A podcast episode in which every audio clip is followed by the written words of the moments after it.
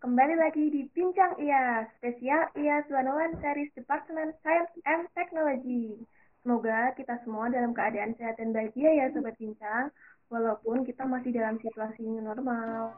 Nah, di episode kali ini masih di IAS 101 Series yang akan langsung diisi oleh aku, Cindy dari HRD IOP 12, dan partner aku, Halo semua, kenalin aku dari Afifah, IOP 12 dari HRD.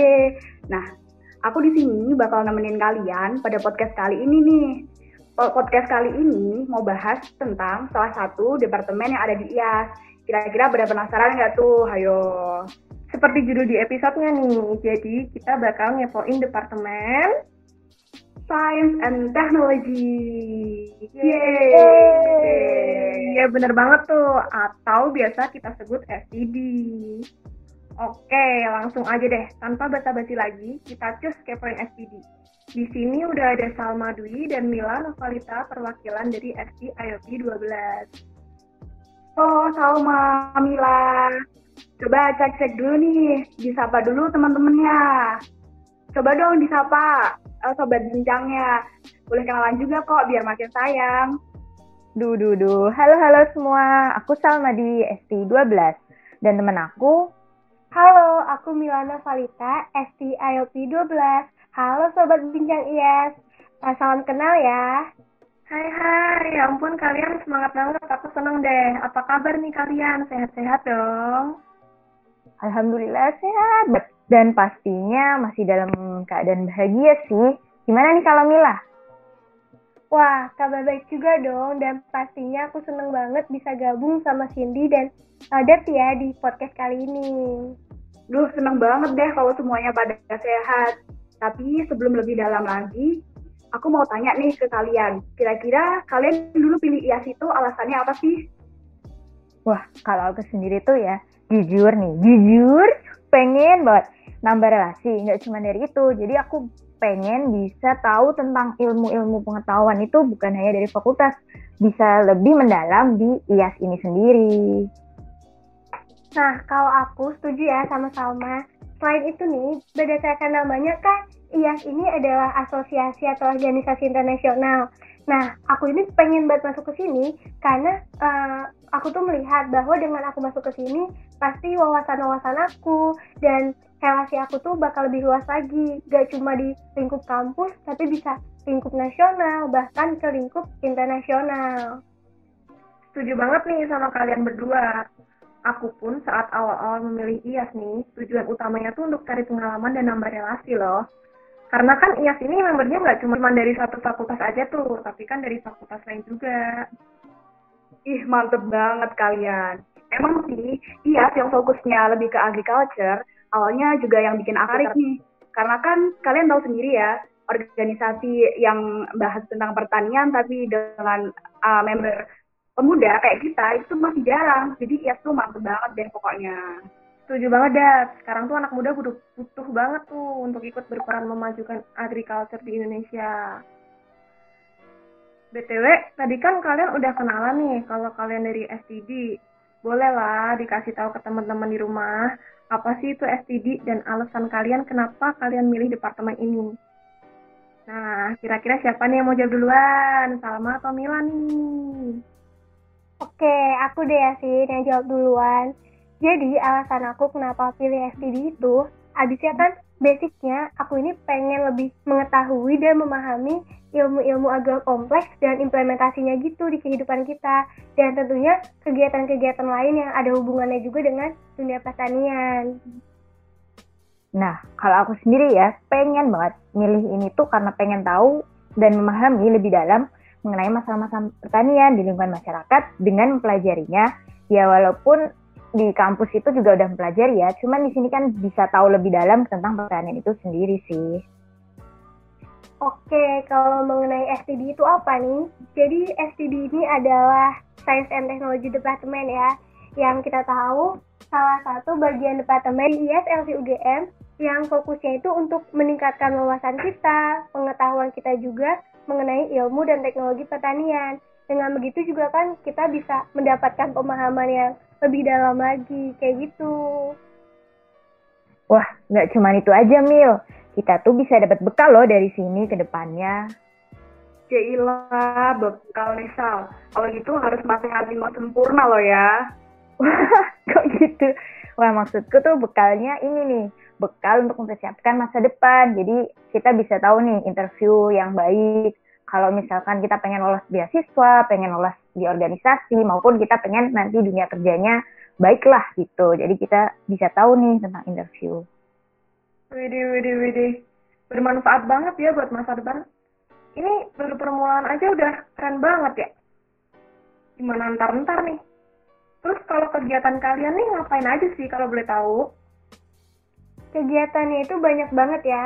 Kita itu ada kayak diskusi gitu, ada juga uh, penyampaian materi yang disampaikan oleh uh, ahli-ahli. Jadi fakta-fakta yang kita dapat tuh pastinya valid kan. Nah selain itu juga kita biasa diskusi sama sesama staff atau sesama member. Nah dengan begitu tentunya wawasan kita tentang pertanian juga bakal lebih luas lagi dan gak akan gak akan sepaneng kok malah asik banget kayak ketagihan gitu loh bener banget sih yang dikatain sama Mila setuju. Dan prokernya STB itu bervariasi nih jadi nggak hanya masalah diskusi biasa. Kita punya namanya IASTOK internal dan IASTOK eksternal nih. Wah wah wah bentuknya kayak gimana tuh? Semacam talk show gitu atau kayak gimana? Coba jelasin. Iya, ya namanya talk show ya pasti akan berisi tentang penyampaian materi dari pembicara sih. Dan ini tuh pembicaranya pasti yang jelas adalah ahli di bidang terkait pertanian. Dan yang pasti kita tahu tentang materi ini nggak hanya mengenai materi aja nih, tapi kita juga bisa mempraktekannya. Contoh kayak kemarin tuh habis berkebun, kita bisa tahu nih tentang cara berkebun yang bagaimana. Dan kita bisa mengisi waktu luang kita dengan hal yang bermanfaat seperti ini. Gak hanya itu, kemarin kita juga mengadakan namanya challenge nih. Jadi bagi yang pengen untuk berkebun sekalian mendapat hadiah nih, bisalah ikut acara Stock dari SPG. Oh, keren banget, keren banget. Kemarin aku juga ikut tuh BTW. Aku juga ngerasain dapat banyak manfaat ya. Jadi teman-teman di sini banyak yang mendapatkan ilmu tentang bagaimana cara berkebun dengan baik dan benar. Ditambah lagi nih, dapat hadiah juga bagi yang beruntung. Keren-keren. Ngomong-ngomong nih, dekat-dekat kemarin kan kayaknya kalian habis bikin kegiatan di malam minggu ya? Kalau nggak salah namanya acara Sub Night. Itu kayak gimana sih acaranya?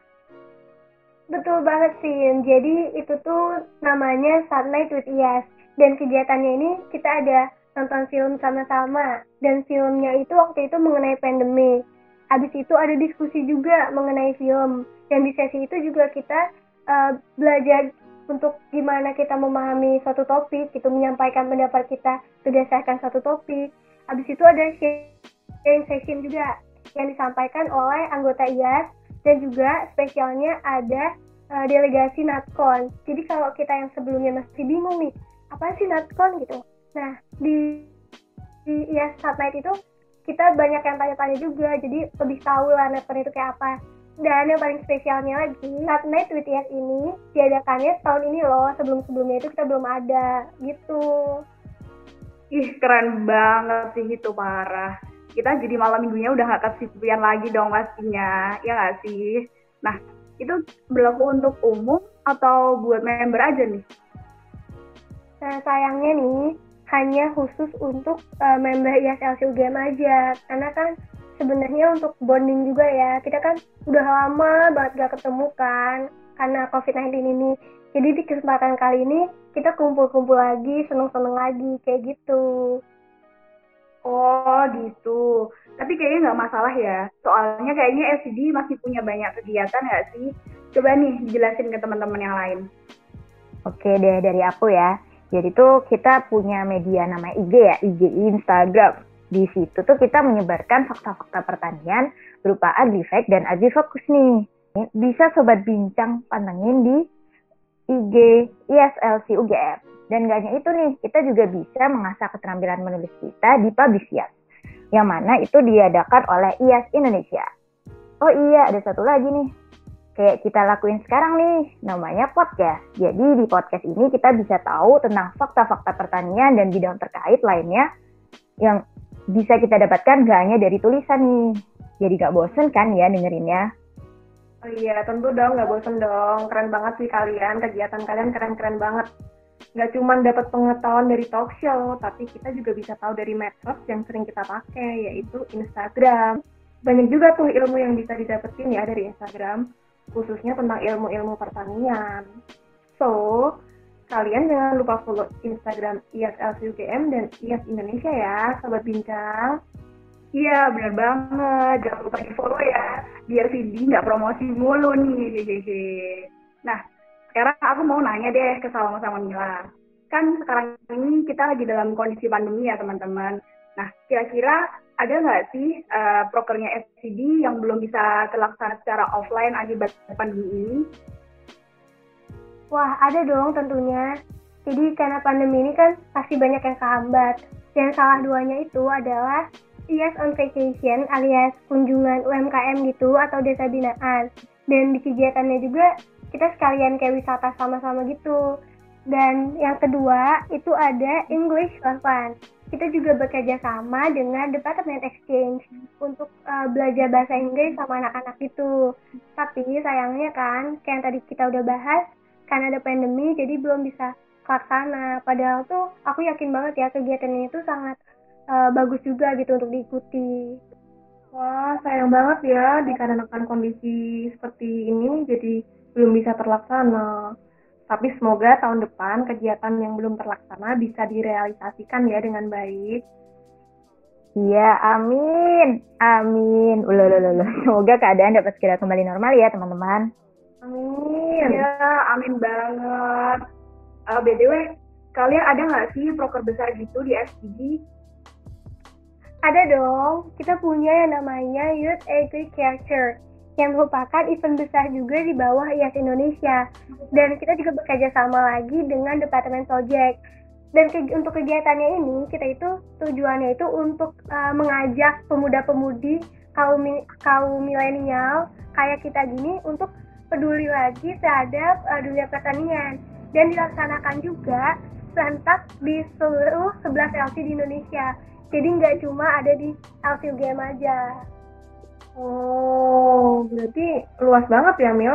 Ini dari namanya aja udah keren banget ya. Boleh tahu nggak sih lebih detail gimana tuh teknis pelaksanaannya?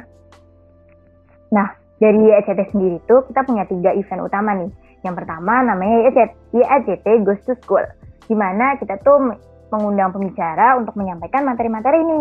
Materinya tuh yang pasti menarik sih untuk diikuti. Dan kedua itu ada namanya social campaign, di mana kegiatan ini memberikan wawasan kepada masyarakat secara online nih melalui media sosial maupun offline. Jadi di sini ada pembagian brosur dan orasi gitulah ke masyarakat.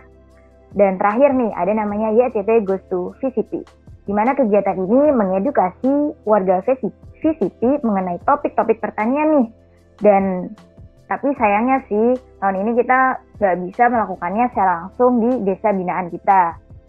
Yang kita alihkan nanti ke model yang lain. Tapi pantengin terus aja sih IG-nya IASLC UGM karena bentar lagi IACT akan terlaksana nih. Ih, keren banget sih gitu. Kalau ikutan IACT jadi ngerasa bermanfaat gitu nggak sih buat sesama walaupun dengan langkah kecil tapi bisa ngasih dampak besar gitu. Nah, teman-teman, nggak kerasa nih, kita ternyata udah di penghujung acara aja. Tapi aku mau tanya satu lagi nih ke kalian. Selama satu tahun ini, apa sih yang kalian udah dapat di IAS? Wah, banyak banget sih aku dapat. Gak lebay, tapi emang banyak banget gitu. Yang ke satu, yang aku dapat itu tentang tanggung jawab dan kepemimpinan. Jadi di IAS ini, setiap staffnya ini uh, dikasih tugas atau dikasih amanah gitu untuk menjalankan suatu program kerja dan kita itu dikasih kesempatan untuk menjadi PO dan CTO. Uh, habis itu ada juga mengenai public speaking juga. Sebenarnya public speakingnya juga luas ya, nggak nggak cuma tentang presentasi, tapi kita juga uh, belajar mengenai gimana sih menyampaikan pendapat kita atau opini kita yang baik tanpa menyinggung siapa pun. Dan tentunya kegiatan organisasi dan kepanitiaan yang lainnya gitu. Wah bener banget sih Mil. Gak hanya itu, walaupun kita menjalani kegiatan IAS ini di tengah pandemi, ternyata banyak banget manfaat yang didapetin. Salah satunya nih ya, kita bisa lebih menjalin komunikasi yang lebih erat nih satu sama lain. Yang tadinya jauh, jadi ngerasa dekat. Ceilah. Kemudian kita juga bisa nambah wawasan nih dari kegiatan yang bisa ngisi kegabutan kita selama pandemi ini nih. Dan yang jelas sih kita bisa belajar manajemen waktu nih. Soalnya kan sekarang nih ya, kita punya acara rapat jadi satu nih. Padahal sebenarnya kalau offline, wah nggak bisa tuh jadi satu gitu deh. Tip, setuju banget sih kalau ini. Emang IAS tuh udah kayak paket komplit gitu nggak sih? Kayak tempat yang pas buat kita improve apa yang potensi yang kita miliki gitu. Iya, setuju banget sama kalian bertiga ya. Aku pun merasa di IAS ini semakin aku dapat pengalaman dan relasi, aku juga bisa mengembangkan soft skill nih, seperti yang dibilang Mila tadi, contohnya public speaking. Dan bener banget yang, di, yang Salma bilang tadi, kita juga bisa dapat banyak manfaat ya dari kegiatan IAS yang kita lakukan bareng-bareng member lainnya. Iya, setuju banget deh sama semua yang kalian bilang. Tapi teman-teman sayang banget nih, kita udah bener-bener di ujung acara. Gak kerasa ya, di sini aku mau ngucapin terima kasih untuk para sobat bincang. Semoga teman-teman bisa mendapatkan manfaat dari podcast kali ini ya. Semoga teman-teman selalu sehat dan selalu semangat. Kalau gitu, saya Datia. Kita bincang-bincang lagi di Bincang Iya. See you. See you.